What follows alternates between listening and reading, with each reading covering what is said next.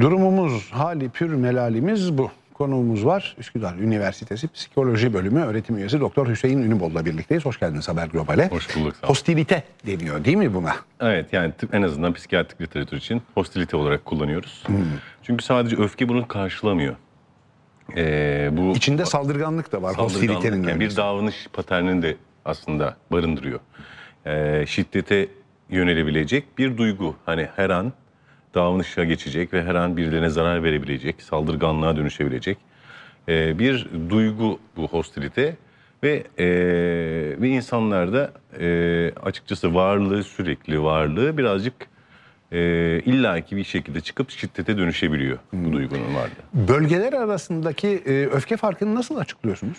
Şimdi e, birincisi bizim tabii kültürel hem Anadolu'nun, e, Türkiye'nin bir sorunu duygularının farkında olmak ve ifade etmek zorluğu. E, şimdi Doğu Anadolu bölgesi biraz daha kapalı, biraz daha baskılayan, yani kendi duygularını dışarı vurmak yerine somatize eden ya da içine atan bir yapısı var. Bir de dille ilgili belki de muhtemel bir sorunu da var. Ee, ve uzun yıllar boyunca da duygularını daha az ifade eden ve daha fazla bastıran bir bölge. O yüzden de e, aslında öfkeyi görmek yani hostiliteyi orada daha fazla görmeyi bekliyorduk. Çünkü aslında öfke şöyle tanımlanabilir. Öfke normalde biz e, şimdi negatif anlamda kullanıyoruz ama öfke aslında bizim bir sorun çözme becerimizdir. Eğer bir şeye karşı, hani bir ihtiyaca karşı bilgimiz varsa buna yönelik çözümü de öfke sayesinde yaparız. Yani gideriz bakkaldan ekmek alırız açsak.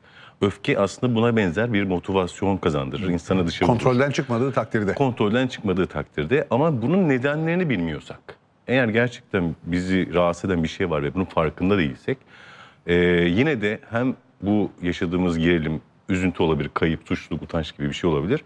Aynı zamanda bunun karşılığında öfke mesela bu da bir şekilde ortaya çıkar ve e, bastırdığımız negatif durum yani o e, ihtiyaç görünmese bile ortaya bir öfke çıkar. Ve bu öfkenin nedenini bilmiyorsak işte biz ona hostilite diyoruz. Bunun nedeni bilmediğimiz bir öfke, bir gerginlik hali. Bugün burada çıkmaz ama yarın trafikte birisine bağırarak ve daha da agresif bir davranışı geçerek de kendini gösterebilir. Biz işte buradaki öfkeyi yani hostiliteyi aslında ölçmeye çalıştık. Ee, zarar verici olan şeyi. Ve bizim toplumumuzda da aslına bakarsanız belirli bir seviyede ve bölgesel farklılıkları olduğunu gördük. Ama mesela cinsiyet farklılığını görmedik. Genel olarak mesela Türkiye'de. E, çünkü bu etki tepki meselesi. Yani bir erkeğin öfkeli olması aynı zamanda kadının da öfkeli olmasına neden oluyor.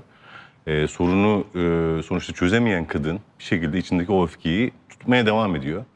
E, bazen de şiddet olayları hani kadının erkeği değil de kadının çocuğuna yönelik şiddet olaylarını görebiliyoruz ya da başka yerleri o görebiliyoruz. O yüzden genel olarak Türkiye'de hani son dönemlerde üzücü görmek istemediğimiz olaylarla karşılaştık. E, ama e, baktığımızda da genel olarak tüm Türkiye'ye yayılmış ve potansiyeli e, zarar verici potansiyeli olan bir duygunun varlığını da görmüş olduk. Ee, Doğu'nun daha öfkeli olduğunu konuştuk az evvel. Peki Batı neden daha az öfkeli? Bunun bir anlamı, açıklaması var Yani mı? birkaç açıklaması olabilir. Birincisi daha kendilerinin farkında olabilirler. Mesela Batı'da Trakya Batı derken olabilir. Trakya'yı evet en batıyı Ee, kastediyoruz. yani. İzmir'de biraz daha düşük çıkmış. Ee, onlar biraz daha kendilerinin farkında veya gerilimlerini daha atabilecekleri bir atmosferleri var. Yani mesela İzmir'de yürüyüş yapıyor ya da çok gergin bir or- ortam değildir mesela İzmir'in ortamı. Biraz daha rahat, biraz daha insanların birbirlerine e, sıra verdiği yani biraz daha işte gerilimin daha düşük olduğu bir yer. O yüzden de gerilimin düşük olduğu bir yerde öfkenin de düşük olmasını bekleyebiliriz. Ee, Orta Karadeniz'de de yani bizim benim gözlemim en azından e, Orta Karadeniz insanı zaten doğalında dışa vurumu yüksek bir yani hipertimik diyebiliriz. Daha hareketlidir. Daha dışa vurumu yüksektir. Bu şu anlama gelir. Aslında siz var olan bastırılmış bir öfkeniz varsa bile aslında davranışlarınız da işte birazcık yüksek tonlu konuşan bir mesela bölgedir Orta Karadeniz. Biraz daha hani bir fındık şuydu buydu biraz daha enerji atar, enerjiktir, biraz espriye vurur. Fındık Ee, etkisi. e, fındık etkisi. Peki. Ve bir süre sonra hani mesela onlarda kişisel iyi oluş haritalarımız da vardı mesela. En iyi bölge yine Orta Karadeniz çıktı. Çünkü attı, atıyorlar. Yani o öfkeyi atıyor, dışında, dışa vuruyor ve bir şekilde kendi hayatına olumlu bir şekilde kanalize edebiliyorlar. Yani gözlemimiz o. Ülkemizde Doğu ile Batı arasındaki fark çok net olarak görünüyor bu araştırmada. Peki daha geniş ölçekte baktığımızda dünyada Doğu ile Batı arasında böyle bir ilişki, böyle bir orantı kurulabiliyor mu? Dünyanın batısı daha az öfkeli, doğusu daha çok öfkeli diyebiliyor muyuz? Yani bizim Türkiye'ye bence daha has bir durum gibi gözüküyor. Yani Türkiye'nin çünkü eee, biraz daha doğuya doğru geçtikçe biraz daha Suriye, İran veya Arap bölgelerinden daha fazla etkilendiğimiz kültürel olarak Savaşın olduğu bölgelere doğru gidiyoruz oralara Savaşın gittikçe. olduğu bölgelerinde olması doğru dediğiniz gibi. Batı biraz daha farklı. Hani Avrupa'ya dönük bir tarafı da var. Hani biraz hedonist, biraz daha dışa vurabiliyor. Bazı duygularını başka şekillerde çözebiliyor. Burada böyle bir yat, bir geçiş aşım şeyini aslında harita olarak gör- gördüğümüz söylenebilir. Hani tüm dünyada ülkeler çapında bu farklılıklar ben zannetmiyorum çok fazla olma, olmuyordur. Peki hızlı sorulara sıra geldi. Parayla öfke arasında bağlantı var mı? Ee, açıkçası şu var, e, insanoğlu kendi sorunlarını parayla çözüyorsa öfkesi de hep yüksek olmaya devam ediyordur. Çünkü gerçek sorunlar gerçekten parayla değil de kendi içsel, davranışsal, işte yapıcı durumlarla çözülür. Eksikliğiniz yani bir mesela değersizlik hissini parayla çözemezsiniz. Değersizliği bir şeyler üreterek, kendinize yatırım yaparak, belki zihinsel, belki bedensel olabilir. Hani bir şekilde birilerine yardım ederek çözersiniz. Ama insanlar parayla çözmeye çalışıyorsa sorunlarını öfkeleri her zaman daha da yüksek olmaya devam eder. Sağlıkla öfke arasında bağlantı var mı? Açıkçası öfkeli insan e, sağlığını kaybeder. Hmm, sağlığı başa aldınız siz.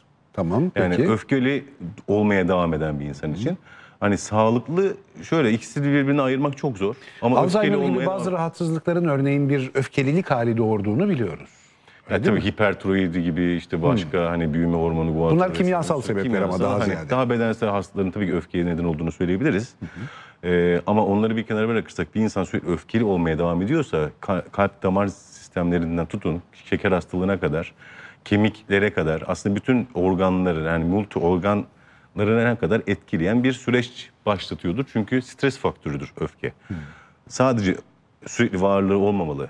Olacak bir habercidir. Hemen çözülecek ve normal bir bütün hormonal sistemler yerine gelecek. Hani biz sürekli bunu tutuyorsak bedenimizde sürekli immünsüpresif bir durum yaratır. Yani bağışıklık sistemi düşer. Kemiklerde ya da kaslarda yıkımlar ortaya çıkmaya başlar. Karaciğerde glukozogenez dediğimiz yani bu e, şeker hastalığının öncüllerini ortaya çıkartır. Kansere kadar gidebilen bir sürece dönüşür. Aslında sağlığa gerçekten oldukça zararlı bir şeydir öfke yani bir parça. Eğitimle öfke arasında bağlantı var mı? Biz onu e, çalıştık yani sonuçta yaptığımız çalışmalarda gördüğümüz şu erkeklerde hiçbir fark yok. Kadınlarda bir fark Kötü var. haber. Evet yani hani şey Erkek gibi. öfkeliyse öfkeli. Eğitim seviyesi önemli. Aynen öyle hani şey gibi hadi o semer gibi örnek verebiliriz. hani e, bir şeyi değiştirmek için okumaya çalışmanın bir anlamı yok. Ama kadınlarda şu var. Lisans ve yüksek lisans e, mezunları yani lisansüstü mezunları e, daha az öfkeli kadınlarda. Birazcık kendilerini gerçekleştirebiliyor olmaları muhtemelen. E, sonuçta kendi ihtiyaçlarını hani kendi varoluşlarını birazcık gerçekleştirebiliyor olmaları biraz daha rahatlatıcı bir etki yaratmış olabilir. Mesela kadınlarda evlilik herhangi bir şey değiştirmiyor. Hani bekar olanla evli olan ya da ayrılmış olan da aşağı yukarı benzer bir öfke paterni var. Ama erkeklerde mesela bekarlar çok daha yüksek oranda bir öfkeye sahip oluyor. Evlilik daha e, azaltıyormuş gibi gözüküyor ama tabii bu sonuçta pek de e, son dönemlerde gördüğümüz bir şey değil. Artık gençlerimiz de çok yüksek. 18-23 yaş. 18-23 ee, yani ergenliğin sonrasını işaret Aynen. ediyoruz aşağı yukarı. Ergenlikte herhalde doğal kabul değil mi? Ergenlik daha- daha doğal ama ergenliğin artık 18'de bitmediğini de söyleyebiliriz. E, prefrontal korteks hani gelişimini yani beynin gelişimini devam ed- ettiriyor 25-30'lu yaşlara kadar. Hatta Yani beynimizin ön tarafını kastediyoruz Yani beynimizin Çok ön fazla tarafını e, şeye tıbbi kastediyoruz. e, deyimlere Pardon. girmeden. Ee, Estağfurullah tercüme etmek işimiz. Ee, teşekkür ederim. Bu bir e, mesela genelde 18-23 yaşı şöyle erken yetişen e, yetişkin olarak ta- tabir ederler. Daha yetişen bir e, yetişkin olarak konuşulur aslında. 24-29 yaşta geç yetişen ergen. Yani emerging yani büyüyen ergen, şey büyüyen yetişkin derler. Yetişkin, Gerçek tamam. e, genç yetişkin 29 yaşından sonradır aslında. Birazcık ön ergen yani post ergen sonraki ergen dönem henüz daha yetişen bir yetişkin yaş grubu. Bu doğal bir şey. Hem dediğim gibi kontrol, öfke kontrol mekanizmaları henüz ol- olgunlaşmadığı için, immatür olduğu için hem de hormonal sistemlerin henüz hani daha yüksek seviyede işlediği için yüksek olmasını bekliyoruz. Hem kadınlarda yüksek hem erkeklerde yüksek. Ama şu açıdan bakmamak lazım bir taraftan da. Bir şekilde e, bu genç nesil üretken bir nesil olmak zorunda ve hostilite ölçüyoruz. Hostilite üretken bir duyguyu ifade etmiyor. Üret, yıkıcı bir duyguyu ifade ediyor. Ve bunu hayatlarına yıkıcı olarak devam ettirmek yerine onların kanalize edebilecekleri bazı alanlar yaratmamız lazım. Yani bu duygularını yok sayamayız. Böyle bir duyguları var. Ee, bunun nedenleri ya kendi farkında olmadıkları duygular ya da e, toplumsal olaylar genelde bu tarz duyguları yol, yol açabilir. Yani şimdi e, haberlerde duyduklarımız, sosyal medyada paylaştıklarımız bir parça bizlerin yangınla körükle gitmesine neden, neden oluyor. Çünkü sizin sonuçta müdahale edemediğiniz bir sorunla sürekli karşılaşıyorsunuz. Bu sizde sıkıntıya yaratıyor, üzüntüye ya da başka bir şeye yaratıyor. Ama sonuçta yaşayacağı yani bunu nasıl çözeceksiniz? Çözemediğiniz bir öfkeye de sizde bir beraberinde yaratıyor. Şimdi genel olarak bu tarz toplumsal olaylar insanları gerer ve öfkeyi bir şekilde dışa vurmak için e, uğraşırlar. Tabii ki bunun atıyorum ormanı yakan birisine ne yapabilirsiniz? Bir şey yapamazsınız ama öfkeleniyorsunuz. Şimdi bu gerilim sürekli artan bir gerilimin bir şekilde boşaltılması lazım. Belki gençlerimize yönelik hem bilgilendirme hani yaşadığınız duygu, yaşadıkları duyguları fark etmek hem de bunları nasıl çözebileceklerini öğretmemiz lazım. Mesela atıyorum bunun yerine git ağaç dik. Hani sosyal medya paylaşımları yapmak güzel ama bu senin Tabii, öfkelenmenden başka bir şeye dönüşmüyor ki. Yapıcı bir davranışa dönüşmesi lazım bu öfkenin. Ee, ben hani biraz onu önerebilirim. Yani insanların paylaşımları, işte protestoları, eleştirileri güzel de bir noktada insan e, çözemediği sorunu sürekli eleştirirse sürekli biriken bir öfkeyle maruz kalmak zorunda kalır. Onun yerine ben bunu yaptım demek bence en güzel. Hani ben ağaç diktim. Hani olumlu durumlar. Mesela ben, ben bir yavru kediyi besledim. Bu tarz davranışlarla kendimizi ifade edersek bu toplumun bu gerginliğini birazcık söndürebilir diye düşünüyorum. Yaş ilerledikçe öfke azalır mı? Azalır. Yani teorik Doğrudan olarak böyle net bir ilişki var yani. var. Yani net bir ilişki var. Bir e, hormonal bir tarafı, yani biyolojik bir tarafı da var. Yani ne olursa olsun bir şekilde o öfke e, bizim e, hormonlarımızdan da çok besleniyor. Hormonlar azaldıkça, etkisi azaldıkça daha yatışıyoruz. İkincisi de farkındalığımız artıyor. Üçüncüsü de kısa vadede bir şeylerin çözülmeyeceğini farkında olmaya başlıyoruz. Hani bir an önce her şey bir an önce olsun diye istememeye başlıyoruz. Engellenme işimiz daha e, şey oluyor, yüksek oluyor. Yani bir şey engellediğinde bunu biraz daha tolere edebiliyoruz. Hemen olsun istemeyebiliyoruz. Yavaş yavaş yaşla birlikte olgunluk ve huzur gelir. Genelde mutluluk, hedonizm gençlerde daha fazladır. Ee, huzur daha çok yaş ilerledikçe olan bir şeydir. Daha stabildir ve daha aslında kişiye keyif veren bir şeydir. Yani her yaşın kendine göre bir güzelliği var. yani. Pekala. Ee, evlilikle öfkenin arasındaki bağlantıyı söylediniz ama evlilik bir kenara bırakılacak olursa e, aile hayatıyla öfke arasında bağlantı var mı? Ebeveynleri kastediyorum burada. hani çocuklarla olan ilişkisinde mi? Ee, doğal olarak var. Çünkü şöyle bir şey. Ee, biz e, çocukken e, en önemli aldığımız eğitim e, duygu farkındalığıdır. Yani bir anneden ya da bir babadan öğreniriz utanmayı, suçluluk duygusunu, e, işte kıskançlık duygusunu nasıl yöneteceğimizi. Ya da hani mesela evin içinde konuşulur falancısı şöyle güzel bir e, yeri kazanmış. Aa derler işte böyle bir şey nasıl yani bizim çocuk niye kazanmadı falan. Mesela haset duygusu. Şimdi bu aile içerisinde konuşulan konular çok önemli. Eğer siz çocuğu başkasının başarısını övmesi, bazen yaptığı yanlış utanma duygusunu kendisin kendiniz de utanabiliyorsanız çocuk onu ancak ondan öğreniyor, aynalayabiliyor. Hani siz de ya utandığınız bir hareket yaparsınız. Ya kusura bakmayın bunu ya- yanlış yapmışım dersiniz. Mahcup olabilirsiniz. Suçlu hissedebilirsiniz ve çocuğunuza bunu anlatabilirsiniz. Şimdi bunu yaptıysanız çocuk duygusal olarak bütün duygulara farkındalığını arttırarak yetişmeye başlar. Hatayı hoş görmeye başlar. Ve giderek e, insanlara sevgi ve hoşgörüyle bakmaya başlar. Çünkü hataları hepimiz yapabiliyor olduğumuz görür.